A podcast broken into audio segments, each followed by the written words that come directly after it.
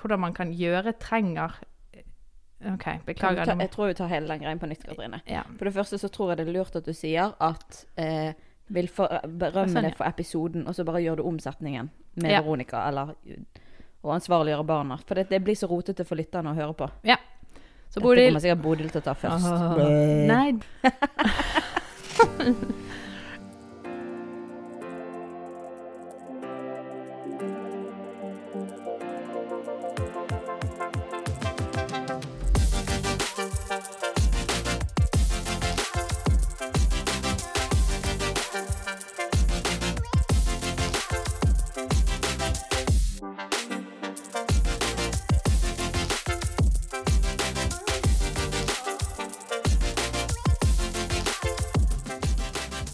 Hei, alle sammen, og hjertelig velkommen til Mammas hjerte-podkast. Eh, vi er i gang med en ny prat, og i dag har vi med oss Ja, sant, der hører du ting som skjer. I dag har vi med oss eh, Ragnhild, vår faste, eh, faste medlem. Faste, faste Ragnhild. Vi har en helt, helt fast Ragnhild, faktisk. Alle burde ha en fast Ragnhild i livet sitt. Det, det er helt sant. Det er helt sant. Vi, har, vi er jo en gjeng på syv eh, mødre som bygger Mammas hjerte. Og Ragnhild, du har vært med fra starten av. Du hev deg inn i eventyret vårt da jeg utfordret deg til å være med. Mm. Og nå er det snart tre år siden. Ja. Har det vært greit? Eh, ja, det har jo vært eh, et eventyr. En reise. Ja, det er litt sånn som du pleier å si. Jeg har lært så masse på disse tre åra. Ja. Det er jo virkelig sant. Det er nå Katrine skulle ta sånn medarbeidersamtale. Ja. Direkte Ja, på ja, det var det si Skjønte jeg var ikke helt forberedt på medarbeidersamtale nå. Det. Vi har jo hatt eh, tre gøye år hvor vi, vi, har, vi har åpnet opp livene for hverandre. Sant? Det er jo en av bak, eh, liksom, eh, Vår gevinst oppi det hele er jo at vi har fått lov oss å knytte relasjonen med hverandre på, på baksiden av Mammas hjerte. Og det har jo vært utrolig kjekt. Og så har vi på en måte også fått lov å skape noe som når til så mange flere, og det òg er jo veldig, veldig kjekt. Vi hadde jo aldri Absolutt. kommet så langt. Du er jo på en måte litt eh, designmestersjefen. Du og El Anna og Rebekka på en måte har vært med å skape det, sånn logoen og fargene og, og sånn som på en måte ting ser ut. Og disse bit-emojiene, de er jo kjempegøye. Mm. De, sånn som dere har Sånn laget. som jeg koser meg med. Veldig, veldig gøy. Da har jeg lyst til å lese opp en uh, tilbakemelding vi har fått. Og det her, eh, det her er, denne er litt stas. Jeg syns det er litt stas, da. Så hør her, da. Det er en som skriver. Berømmer spesielt eh, den siste episoden som denne personen har hørt, som er denne med Veronica, eh, som heter 'Kritisk sans og snute', hvor vi snakker om dette med hvordan barna skal skru på hodene sine for å måte være til stede på sosiale medier. Og hvor Veronica kommer med konkrete forslag til hva man kan gjøre. For det trenger vi å få inn med teskje, skriver hun her. Og det er så sant. Vi trenger å snakke mye om det og minne hverandre på hva gjør vi. Vi må skru på våre hjerner først og fremst, men òg barnas hoder og hjerter for å være og så Det som er litt gøy, da. Her står det at hun delte det med hele foreldregruppen på skolen. Så nå tror jeg det var en del flere som hørte på den. Stå på videre, og heier på dere. Tusen takk for at du delte den på foreldregruppen. Det var veldig kjekt. Veldig hyggelig. All right. I dag så skal vi faktisk ta for oss eh, en del dilemmaer vi har fått innsendt. Eh, det er veldig kjekt folk som sender inn eh, Det har jo jeg ønsket meg. Folk som skal sende inn eh, dilemmaer så vi kan drøfte her. Og da har vi med oss vår eh, oppdragelsesekspert. Nei, Ja. Og det hater hun når du sier. ingen liker å ha eksperttittel på seg. Uh, men, Men noen fortjener det. Ragnhild er veldig klok. Hun er klok. Hun har mye bra å si, og de Snap-dagene du har, de får du vi mye tilbakemelding på at mange har fått utbytte av. Så eh, veldig bra, Ragnhild, det du deler. Nå er vi er rett inn i medarbeidersamtalen igjen. ja. Det er når vi kom til den fine biten av medarbeidersamtalen. Der får positiv tilbakemelding. Ja. Det blir ingen negativ tilbakemelding, så du slipper å tenke på at det skal bli Beste medarbeidersamtalen. Ja. ever. Men vi har altså fått, eh, fått noen konkrete liksom, spørsmål til Kunne ikke dere drøftet dette sammen på en podkast? Så det hadde vi lyst til å ha Ragnhild med på. For jeg tror hun har noen gode innspill til dette. Så hvis du, hvis du sitter og tenker oi, ja, jeg har òg noe som eh, hadde vært spennende de kunne snakket om eller drøftet på podkast, så har vi altså en e-postadresse så du kan sende inn eh, spørsmål eller eh, dilemma til Både humoristiske dilemma, de liker jo Ingrid Nette veldig godt. Men òg litt sånn på en måte mer livsrealistiske dilemmaer. Så da har vi altså postalfakrøllmammashjerte.no er vår mailadresse. Skal vi bare hoppe i det her, eller? Vi hopper i det. Er vi klar? Skal jeg presentere meg? Nei. Nei. Jo, jo, jo. Nei, jeg er bare, nå sitter jeg og tenker på hva jeg skal si for å presentere meg. Du, det er faktisk ganske relevant at du forteller bitte litt eh, om deg sjøl og hvor du bor og sånne ting, for disse dilemmaene. Så det er ingen dårlig idé. Man kan jo ikke ta for gitt at alle som hører på podkasten vår, har fulgt Snapchat-kanalen vår. Eh, selv om jeg selvfølgelig oppfordrer alle som lytter til podkasten til å eh, søke opp Mammas hjerte på Snapchat. Men, eh, men for de som ikke da eh, har fulgt oss der og kjenner deg godt fra før, har du lyst til å Hva er liksom basic knowledge Om meg? om Ragnhild? Eh, ja, godt spørsmål. kan sikkert være forskjellige meninger om. Men eh, jeg heter da Ragnhild, og jeg er 31 år og eh, gift med Sindre. Vi har to barn på tre og fem år, og så er jeg nå gravid med nummer tre. Og vi bor eh, på en gård i gamle Sogn og Fjordane, eh, som vi flytta til for snart et år siden. Mm. Og det er din eh, barndoms... Det er ditt min- barndomshjem. Ja, det er Mm. det. Mm. Så det er veldig kjekt. Så det skal vi egentlig komme litt mer inn på. Mm. Eh, men du bodde i Bergen, og det var jo her du traff eh, Sindre. Det stemmer. Hvor lenge bodde dere her? Jeg flytta her i 2008 og flytta 2020. Så tolv år bodde jeg i Bergen. Ja. Eller bergensområdet. Vi kan jo bare gå, for det her går jo rett eh, inn i egentlig et av de spørsmålene vi har fått her, da. Hvor vi kan snakke litt mer om akkurat dette med å flytte på seg. For her er det en som skriver Hvor skal man bo i et parforhold? det er så mange plasser man kan bo. Eksempel, Kari er fra nord og Ola er fra sør. Hvordan blir man enig om hvor man skal flytte? Hvem skal gi seg, og hvem skal få rett? Er det alltid mannen? Litt som en spøk, men det virker ofte som om at det alltid er mannen som må gi seg, og at det er ofte damen som får eh, viljen sin. Eh, hvilken familie skal man velge å leve dagliglivet med?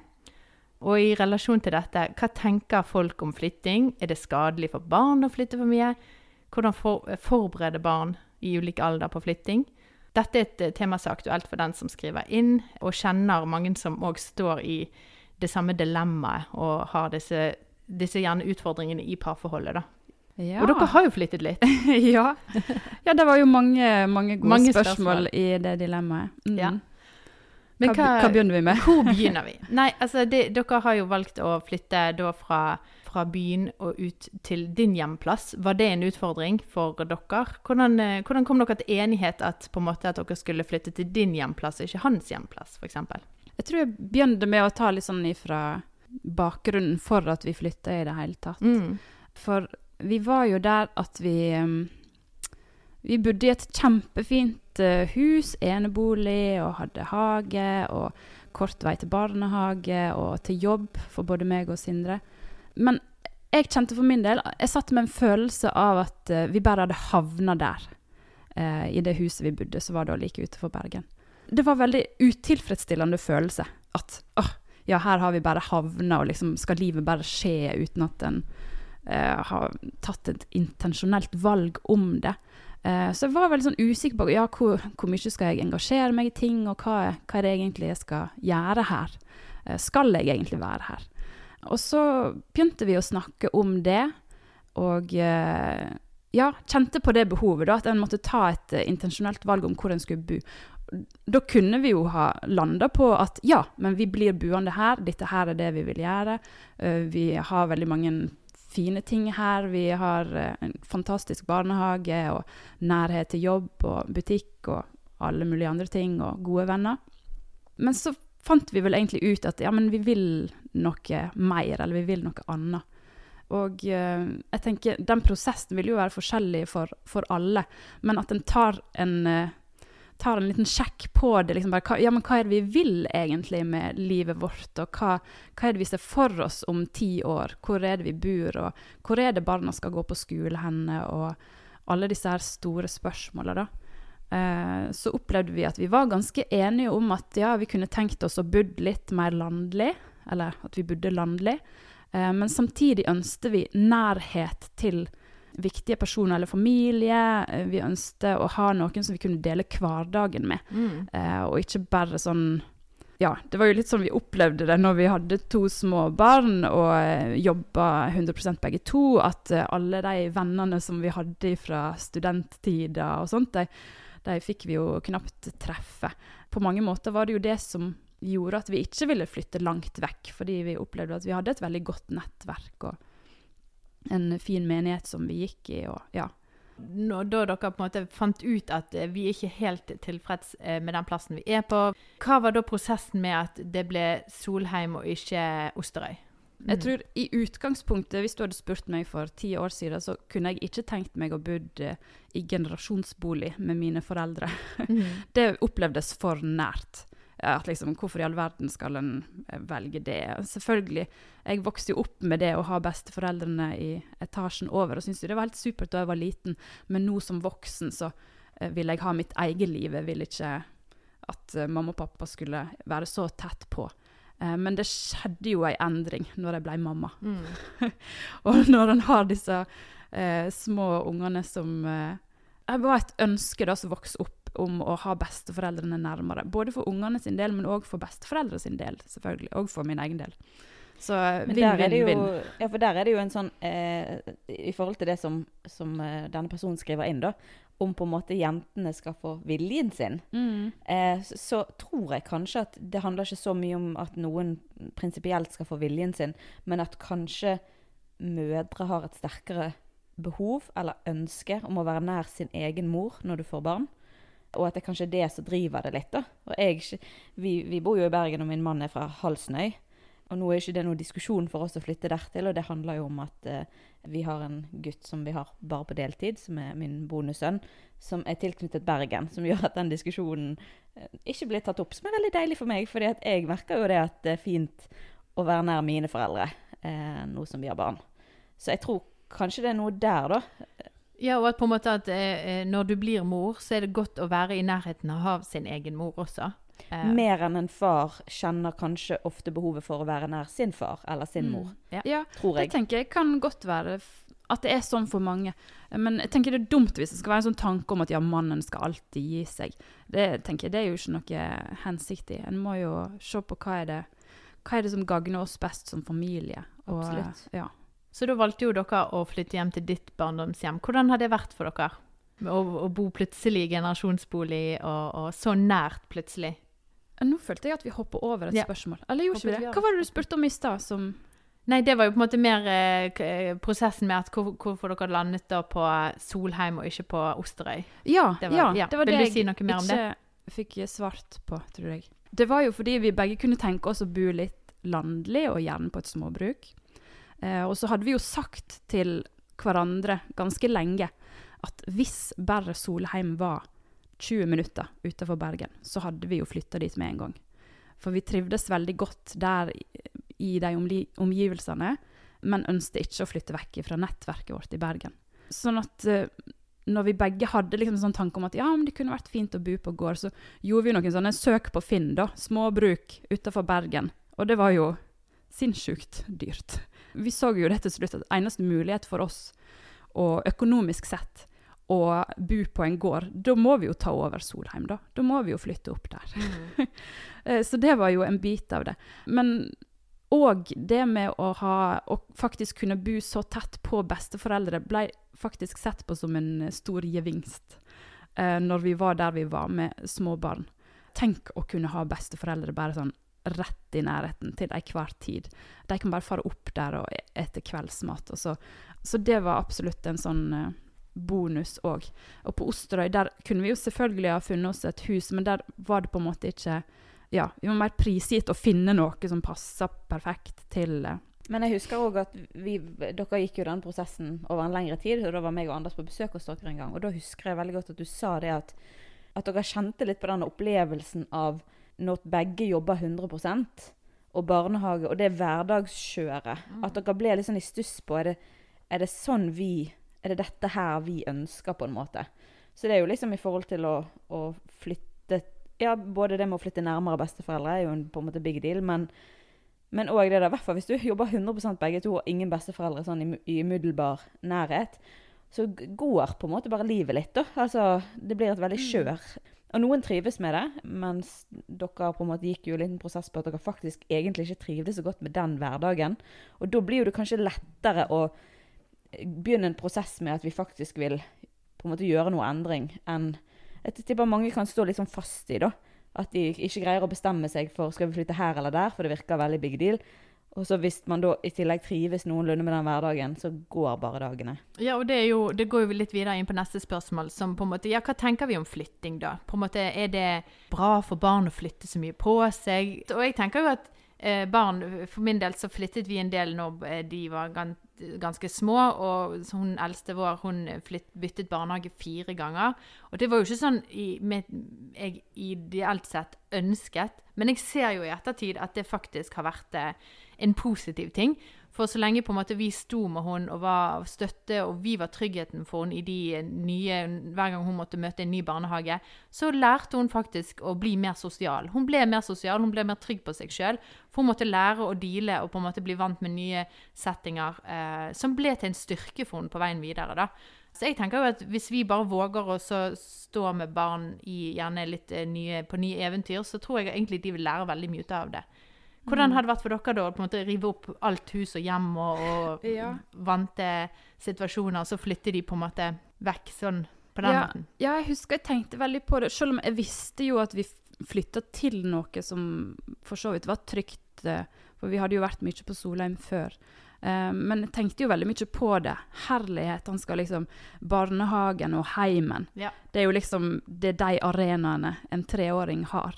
Eh, og så skal vi bare fjerne det og erstatte det med noe annet. Det opplevdes litt sånn brutalt, da. Jeg husker jeg tenkte ja, men jeg må bare være bevisst på det og snakke med han om det. Og hjelpe han i den der sorgprosessen som det er. Mm. Eh, for det er jo det det er. Og det tenker jeg, Sånn er det jo for oss voksne òg, å skulle gi slipp på noe og skulle begynne på noe annet. Så jeg tenkte, var veldig bevisst på det. Ja, men må gi rom for liksom, alle følelsene som han kan komme med. og Han må få lov til å synes at det er trist å reise fra barnehagen og savne hus og sånt. Så jeg tenkte, var veldig bevisst på det at når vi kommer til Solheim, så må jeg ha masse tid til det og snakke med han om det, og at han kan ja, komme med Jeg sine synes det var så fint du sa det med at det er faktisk en sorgprosess. For det er ikke så ofte vi tenker over, egentlig, å gi rom for de følelsene, og for både vår egen del, men også for barna. At det er faktisk en prosess her hvor vi skal anerkjenne, vi skal sette ord på, vi skal gi tid og rom Mm. til å gi slipp på noe som har vært viktig for oss, vært bra for oss. Og så òg løfte perspektivet og se videre på alt det kjekke som Mm. eventuelt vi, vi skal flytte til. da. Mm, ja. Eh, og når vi hjelper barna til det, så, så tenker jo jeg da i mitt hode at vi lærer jo barna en kjempeviktig bit som er viktig at alle mennesker får i livet. da. Å håndtere sorg, håndtere eh, endring. Eh, så, så jeg syns jo at ba, ba, flytting er ikke en negativ ting, så lenge på en måte vi kan stå med de i de Sånn som i sorgen, da, og i de prosessene, i de følelsene som kommer opp. Mm. Og gjerne bare tenke at her trenger vi vi trenger å lage tid og rom for det. Når det kommer en reaksjon, eller den kommer, så trenger vi å, å, for min egen del, ha tid til det. For barnas del, ha tid til det, da. Og det er jo litt sånn med, med sorg at det kommer gjerne i sånne bølger, eh, der det kommer og går.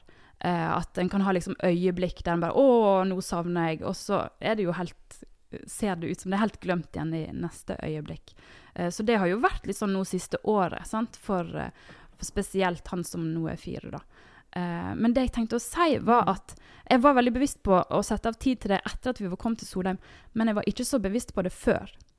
Og det som skjedde de tre månedene før vi flytta, Mm. var jo at vi solgte huset, og de ville ha en veldig rask overdragelse.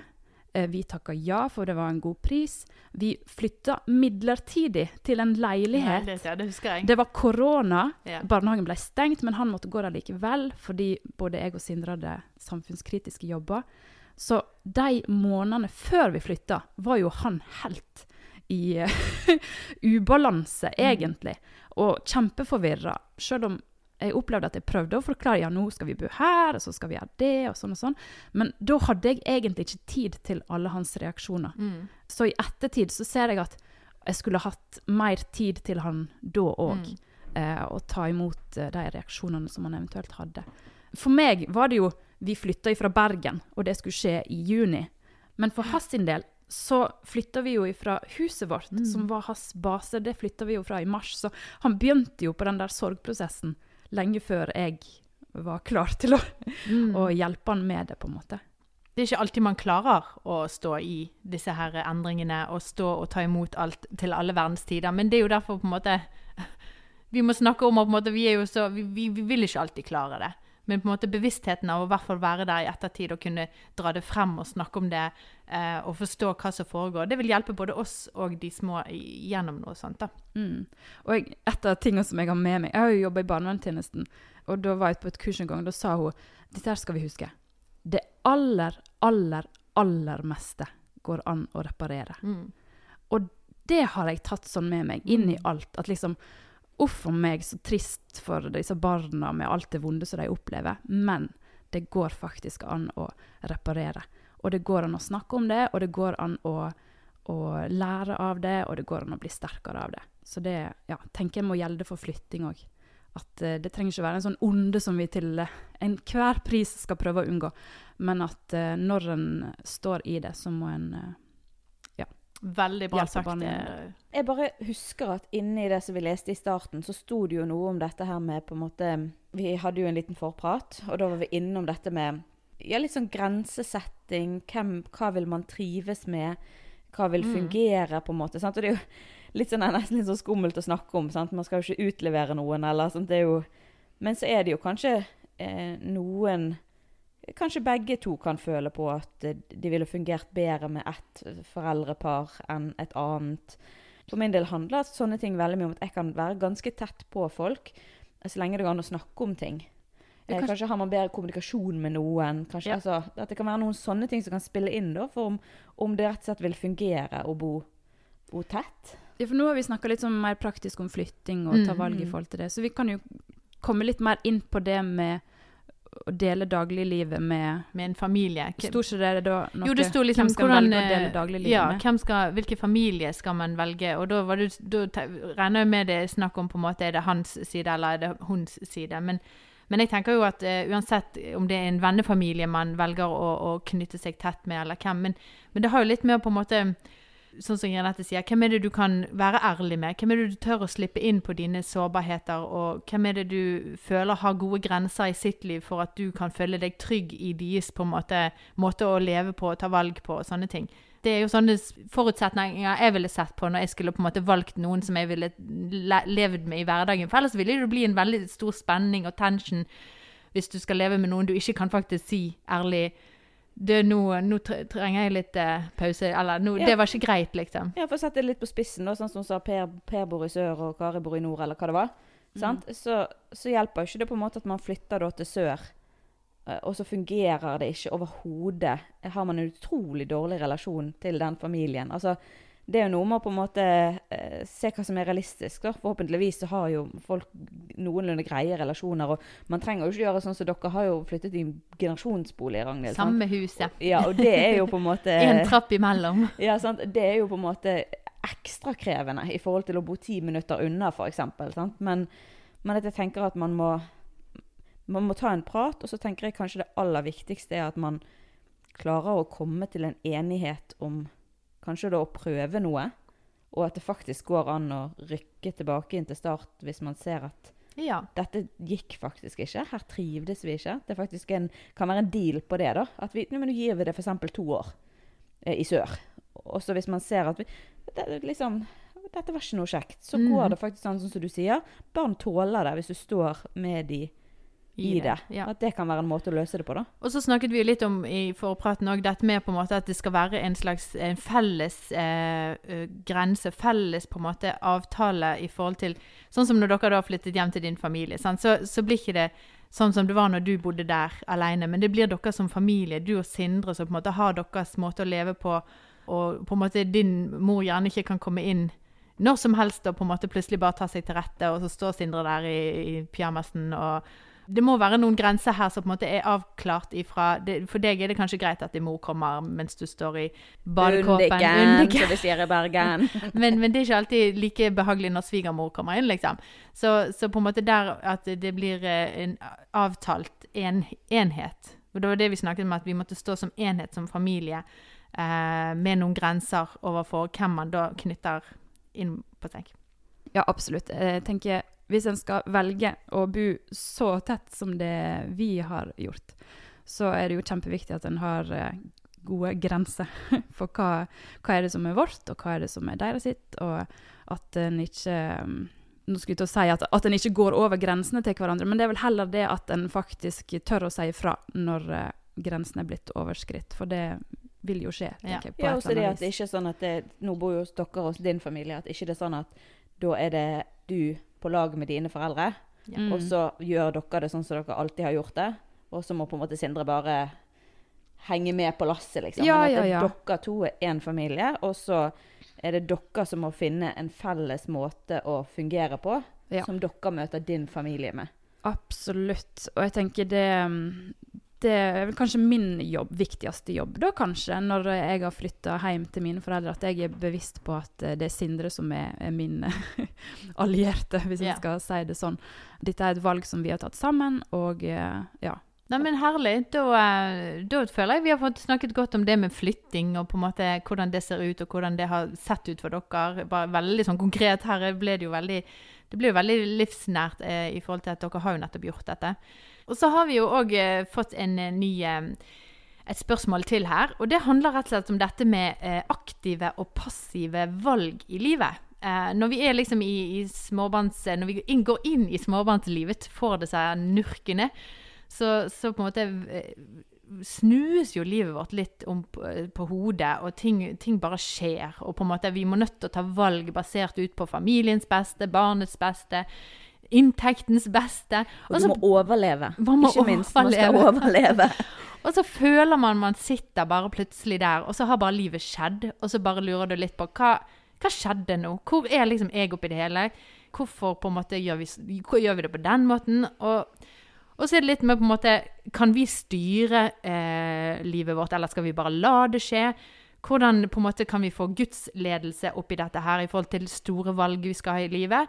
Og så den som spør her, da, i forhold til dette med at når vi da ender opp og sitter som 60 år og går ut med pensjon, og så på en måte er det veldig mange som sier åh, nå, nå kan jeg leve. Endelig er livet, er livet nå, Endelig har jeg fri. Endelig liksom kan jeg gjøre det jeg har lyst til. Men så, lurer jeg, så er det litt sånn Frykten for å angre òg, da. Ja, angre på sant? at liksom, jeg fikk aldri gjort de og de tingene. Men kan ikke vi begynne egentlig å leve nå? Er ikke livet nå, liksom? Inger er midt i Livet er nå grip, seize the day. du, Jeg kan komme med et par refleksjoner der. Ja. Det ene er jeg tror at det går an å leve intensjonelt. Det høres jo et fancy ord, men det handler litt om å være bevisst rundt og, på de valgene som man velger å ta i hverdagen. Det tror jeg går an. Eh, nummer to. Eh, det ser ulikt ut når du er 20 og singel, eller når du er 30 og har tre barn. Så det Og når du er 60 og, og har når er 60, økonomi og, tid. og barnebarna har kanskje til og med flyttet ut, holdt jeg på å si, Ja. hvis du var tidlig ute, eh, så ser det ulikt ut. Eh, men jeg tror at hvis vi eh, bare lar livet ta oss, så tror jeg at eh, små hverdagsutfordringer vil føles mer kvelende enn hvis du har tatt et valg. Så må man kanskje senke litt forventningene til hva man skal greie på en dag og på en uke. Men at man setter seg ned i hver sesong.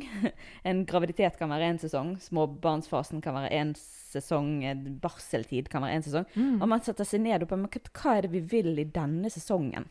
Og i høst, når jeg da har vært gravid, høsten 2020 og ja, våren 2021, så har vi f.eks. tatt et valg om at tirsdagen er min kveld, og onsdagen er Anders sin kveld, til å gjøre noe som betyr noe for oss. Og for meg har det vært innspilling av podkast, for Anders har det vært å stå i et arbeid i menigheten. Så det er på en måte et sånt lite valg som vi har tatt, og mer enn det har vi egentlig ikke Nei, rom men det er et sånt aktivt valg, Det er et da. aktivt valg. For å på en måte innhente seg noe med mening som på en måte skal få Og da får jo det på en måte det andre man står i de seks andre dagene, det får jo på en måte mer Sånn som du sa, det blir ikke så kvelende, fordi at du får på en måte gjøre noe med mening. En, alt det andre med Ja. familie alt det, Nå sier Ja ikke jeg da, at det men ikke er meningsfylt, men på en måte å få lov å ta de der aktive valgene av å faktisk gjøre noe annet enn bare det som skjer deg, da. Og jeg tenker litt det som hun eh, skriver, at ja, når en er 60 år, og liksom først Ja. da kan en leve, kjenne at å, nå lever jeg sånn som jeg vil at livet skal være. Det er jo den frykten alle sitter med, eh, på en måte. At en skal bare gå glipp av, av livet. Her har vi fått livet i gave, og så skal vi forvalte den så godt som mulig, men så plutselig så sitter vi bare der og eh, ja, opplever at vi bare havner en plass som vi ikke var meint å, å være. Jeg Mm. tenker òg at om en klarer å, å ta et valg, litt sånn som du sier, hva er det som er viktig for oss, da gjør vi et valg ut ifra det, og faktisk eh, kunne være tilfreds med det, og trygg på det, at da trenger ikke jeg å føle at jeg går glipp av noe Mm. annet. At når du da er 60 år og ser, tilbake på 30-åra dine, så er ikke det sånn 'Åh, jeg fikk jo ikke gjort noen ting', eller 'det var jo helt bortkasta tid'. Så ja, men da valgte vi familie.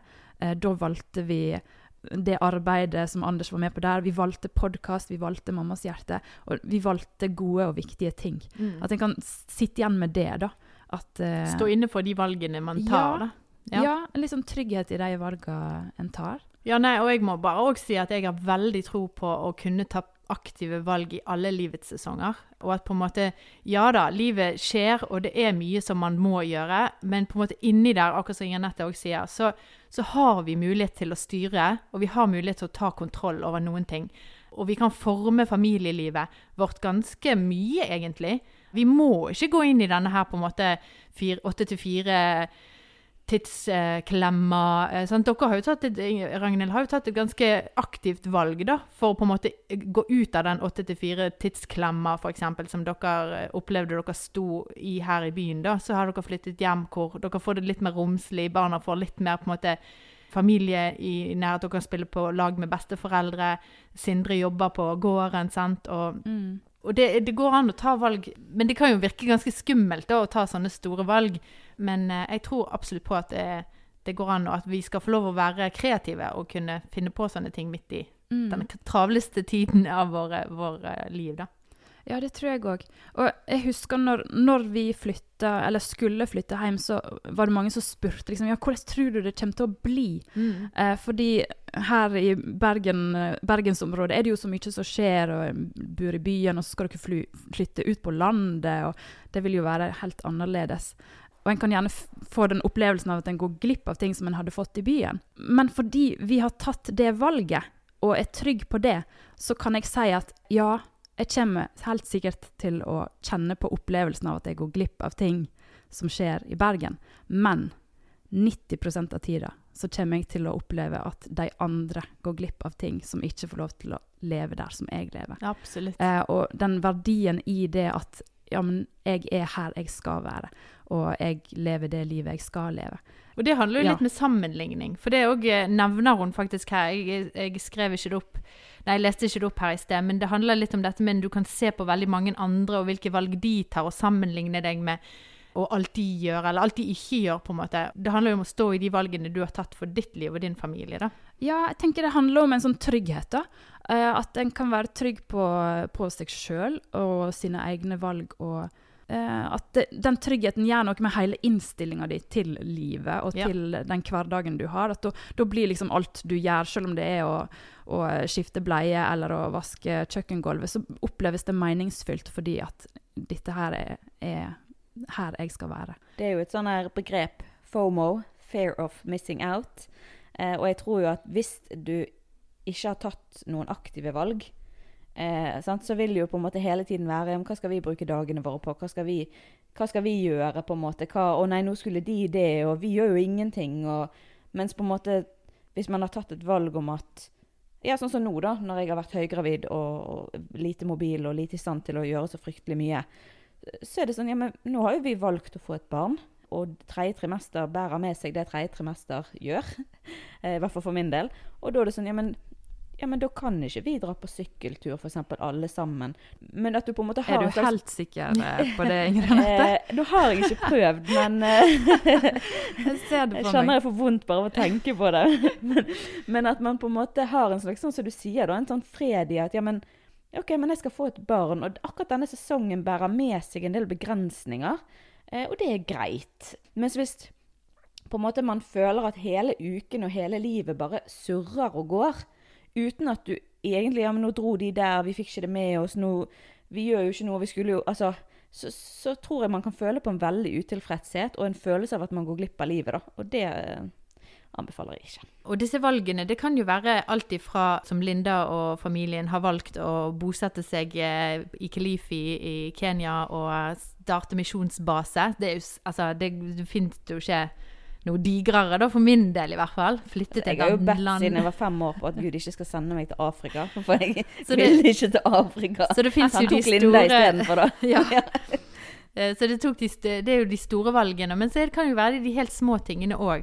Med, med helt sånn familiære eh, I dag velger jeg at eh, vi skal spise det måltidet eh, sammen her, istedenfor at alle skal sitte på hver sitt rom. Eller på en måte, Det kan være så grådig sånn hverdagslige òg, da, som på en måte kan gi veldig mening og bli, bety mye. Så jeg, Dere har jo familiefest, f.eks. Det er jo et liksom bevisst valg som dere har gjort. Ja, vi kjører eh, familiefest eh, opptil flere ganger i uken, for vi trenger det. Men, men det er blitt et konsept hjemme hos oss som er blitt en, et veldig kjekt eh, og anerkjent eh, begrep. Og det handler om å være sammen og gjøre noe. Eh, gjerne spise noe godt, og gjerne nyte noe god underholdning på TV. Men det handler om å være sammen da, som familie. Og når, sant, når barna blir større eh, dere, Nå har jo dere begge to ganske små. Dere er midt i småbarnsfasen. Jeg er litt ute av den.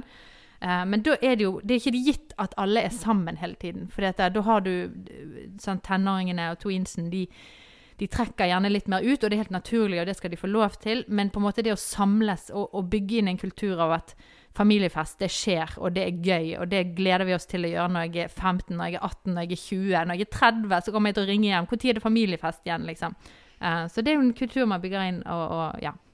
Men uh, for å, å gli over på siste uh, dilemma Det er jo ikke et kjempedilemma, men det har bare med egentlig å snakke litt om, siden vi har Ragnhild her For dette, denne herlige personen som har skrevet inn til oss, hun, hun opplever akkurat dette med å flytte. Hun er en byjente som skal flytte til landet, og, og lurer veldig på hva er nå å begynne på nytt. Hva møter Hva meg på landet? Så Oi, du, du, du er jo på en måte landsbygd eh, bondekone, og, og Ja. du, men du var jo på en måte bygdejente som flyttet til byen, og så på en måte valgte du å flytte tilbake igjen fra byen til bygd. Så du har jo du flytter jo tilbake til noe som er kjent, men, men kan ikke du litt sånn si hva er som er eh, positivt, hva er som er negativt med både byen og by, bygden, sånn som du har opplevd det? Det skulle jo vært sånn eh, fadderordning eh, Ja. for de som flytter ut på bygda. Tenkte jeg, hun kan bare flytte Ja, men- til bygda mi, Ja, ja, og så kan jeg passe på henne og hjelpe henne. Introdusere henne for alle de liksom Her, her er fjøsen. og håper det er er noen barnehagen. sånne som deg der som hun skal, da. Ja, Ja. det får vi håpe. Bygde-Norge er full av, av sånne godhjertefolk. Ja, det er jo det jeg har opplevd. Eh, at eh, vi har blitt kjempegodt tatt imot eh, når vi har flytta hjem, og alle 'Å, så kjekt at dere kommer her'. Og, ja. Men som sagt, nå husker jeg ikke hva du spurte om engang. Forskjellen på by, bygd og Ja, by? Ja, både positivt og negativt. For det er jo begge deler, vil jeg tro, med begge Ja, plasser. Um, Eller er det bare blomster og vafler og fryd og gammen på bygden? Jeg, syns jo vi har det ganske fint, men det er jo sant, På bygda så En sier jo gjerne sånn at alle kjenner alle på Mhm. bygda. Og det er jo litt sånn på godt og vondt. Eh, at hvis du har fått et eh, dårlig rykte, så kan det sikkert være forferdelig vanskelig å bli kvitt det. Sånn som vi har opplevd det, så har det vært eh, positivt. Altså Det oppleves som at vi har en, en heiagjeng rundt oss, faktisk. Som vil vårt beste, og vi opplever et veldig godt samhold i nabolaget der som vi bor, og i bygda sånn generelt. Det er jo ei bygd som på lik linje med mange andre bygder er fraflytningstrua. Mm. Innbyggertallet har jo gått masse ned de siste 20 åra. Så det at det flytter noen hjem, er jo veldig positivt. Og en familie, sant? ja, en småbarnsfamilie. Å, det er jo det beste. Liksom. Å, da Mm. liksom holder vi liv i skolen og i barnehagen. sant? Eh, så jeg har opplevd det som positivt. Og jeg håper jo virkelig det for denne her personen sin del som skriver inn, at, at de blir godt tatt imot. Og jeg syns jo det er helt tåpelig hvis ikke en skal bli godt tatt imot på bygda, for eh, en trenger jo folk. Men dere folk hadde jo, du, du kjente jo folk, og det var naboer som du hadde liksom vokst opp med, og Mm. foreldre var der. Men dette er jo gjerne en som eh, kommer helt ny inn i en helt ny kultur. Og på en måte, hva, hva kan man gjøre da, som på en måte er gode tips eh, hvis man skal på en måte eh, bli litt kjent med noen? Ja, Det er et veldig godt spørsmål. Sånt, eh, Jeg tenker liksom, Skal man stå ned på dagligvarene og, og levere ut eh, vafler og smile Ja. fint til alle? For det, disse, sant, du har jo, eh, Vi må jo snakke om eh, korona og før og etter. Ja. Det er jo litt sånn, det er vanskelig å, å bli kjent med nye Mm. i denne tiden hvor alle skal være i karantene og låst inne og ikke hilse på nye. Mm. Så det er jo på en måte, La oss snakke litt om hvordan det ville sett ut eh, uten korona. For vi håper jo virkelig at det blir en normalitet tilbake, hvor man kan henge med folk, treffe folk, Mm. besøke folk og ja. Ja, absolutt. Korona gjør det jo selvfølgelig litt vanskeligere. Eh, ellers så kunne jeg jo sagt ja, når du kommer til en plass, så er det jo å prøve å finne ut hva, hva slags uh, treffpunkt er det en har der. Eh, men jeg tenker umiddelbart så er det jo naboer er jo en ting Kanskje ikke alle plassene har de så nærme. Å hilse på naboene og, og ta en liten runde og Mm. si hei, ja, vi har flytta her, og, og det er sikkert noen ting en lurer på, og så ja, kan en spørre om det.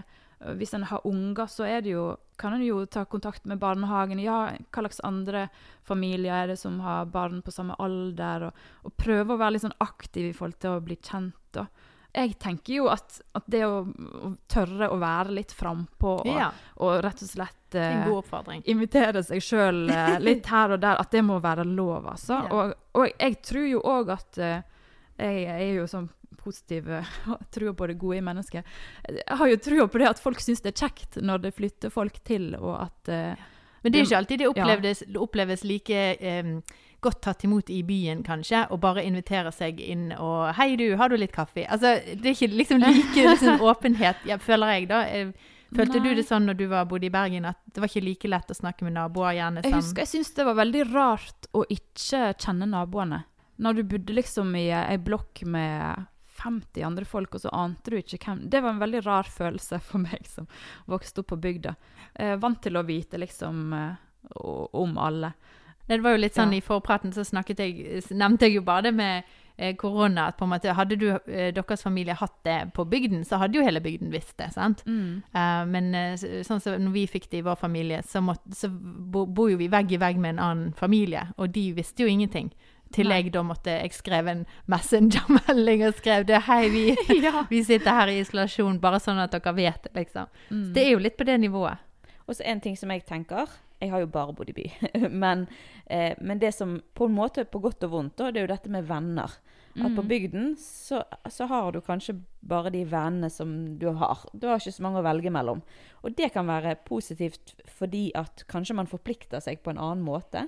Man blir kanskje rausere fordi at man Hvis ikke det funker med de vennene, så har du ingen venner. Så du må bare få det til å funke. Litt som du får de ungene du Du får. er stuck må med bare de få vennene du det er stuck med. Ja. Uh, mens i byen så kan du kanskje Du kan håndplukke venner mer, og på en måte kan du få bredere perspektiv, et større spekter av folk å spille på. Du kan kanskje få det litt lettere relasjonsmessig på en måte, fordi du, du finner folk du trives bedre med. Men på samme måte har du jo mulighet til å kutte ut venner som du bare, hvis det går skeis, så kan du bare finne deg nye. Som jeg tenker i utgangspunktet ikke er en sånn veldig god egenskap, eller lur ting å gjøre, da. Så der er det jo litt sånn fordeler og ulemper. Mm. Ja, for Ja. Du, du sa jo, Ragnhild, og eh, nevnte for oss at det var i hvert fall to stykker på din alder i bygden her nå. Og da, da er det litt sånn Å, jeg er så takknemlig for de to som er like Ja. gammel som meg, i hvert fall. Det, hvis jeg skal påpeke det, så er det, bor de faktisk innenfor eh, en kilometers avstand. Ja, så det fins flere på min alder i hele bygda, Ja. men akkurat i liksom, Nærmeste. nærmeste nabolag så er det to. Fantastisk. Og da blir man jo så takknemlig for det, for de to, da. Det er jo veldig ja. fascinerende. Ja, jeg kjenner i hvert fall på det at Ja. eh, om, altså, om det hadde flytta en familie til bygda vår eller grenda jeg ville jo vært superhappy. Så ja, jeg håper virkelig det at de blir godt tatt imot, de som flytter, flytter ut på bygda. Men jeg hørte hørte Ja. litt avslutningsvis en kommentar fra en eh, venn eh, som òg ser eh, sier at han ser eh, en trend hvor folk nå med mye nedstengning og mye mye smitte og mye greier i byene, eh, som på en måte så ser de at ok, her, det er ikke gjerne det livet jeg ønsket. De tar litt de rundene som vi har vært innom nå, da. Det her er kanskje ikke det livet jeg ønsket, og byen gir meg kanskje ikke like mye, i hvert fall familier. Så det er flere familier som nå flytter tilbake til bygder, og det er, det er jo positivt. Det er noe med at når badelandet er stengt, hva skal man egentlig gjøre på i ja, byen? kinoen og badelandet. Ikke noe Leos lekeland. Det er ikke altså, hva, krise. Det er ingenting å gjøre på i byen heller, så jeg liker å flytte på landet. Ja, men det er veldig fint å bo ute på bygda, og jeg, jeg er veldig glad for at vi bor der vi bor nå, eh, nå når det er koronatider. Mm. Det har vært lite Vi lever jo tilnærmet normalt. Normalt. Altså, det er jo god avstand Ja. til nærmeste nabo, så det er ikke noe sånn trengsel eller eh, ja. ja. Så litt sånn eh, heia bygd denne podkasten, Inger Ja. Heia bygd. Eh, Det, jeg kommer ikke, men Kan du stå inne for det, Ingrid Nette? Veldig interessant, Ja. for, for jeg er jo det sånn er det plass til deg imellom. i byen når de andre bor på Dere to er i hver deres grøfter, og jeg er litt sånn midt imellom. For jeg, har, jeg er jo en byjente, jeg var oppvokst i uh, by, men jeg, nei, jeg er egentlig en bygdejente at heart, som er alltid født og oppvokst i by. Men jeg har jo alltid ønsket å bo på bygd, og med et lite småbruk, og med dyr. Og har til og med jobbet på gård som gårdsbudeie, eh, og det var veldig kjekt. Så, eh, så Jeg skulle òg bo på gård da jeg var liten, men så ble jeg voksen og skjønte at jeg ikke liker dyr så godt. oh, ja. Så det var jo på en måte det gikk det i dass. Ja, men det er bare å komme, Katrine. Her er god, Ja. god plass til deg. Det, åh, jeg er virkelig jeg er trigget av eh, Sånn som å bo på Voss, eksempel, og finne seg et småbruk på Voss, det kunne jeg virkelig ha tenkt meg, altså. Men Du hadde ikke fått med deg jeg hadde nok ikke det. Han er så urban, så det. Jeg har fått han ut på Grimstad i Bergen. Det er liksom så Det er langt. ganske det er litt landlig. Det er noen småbruk der ute, så vi får liksom Vi har litt hester og litt eh, traktorer rundt oss, og det gjør godt for sjelen. Nei, men Takk, Ragnhild, for at du ville ta prate med oss, eh, ta disse dilemmaene med oss. Det var veldig kjekt. Sjøl takk. Håper eh, du som skrev de inn til oss, har fått litt eh, god føde for eh, tanker og sjel. Eh, så ønsker vi deg lykke til med flytting, eh, og, og håper at dere opplever det som en kjempegod prosess for deres familie. All right. Da takker vi for nå, så høres vi i neste episode. Ha det!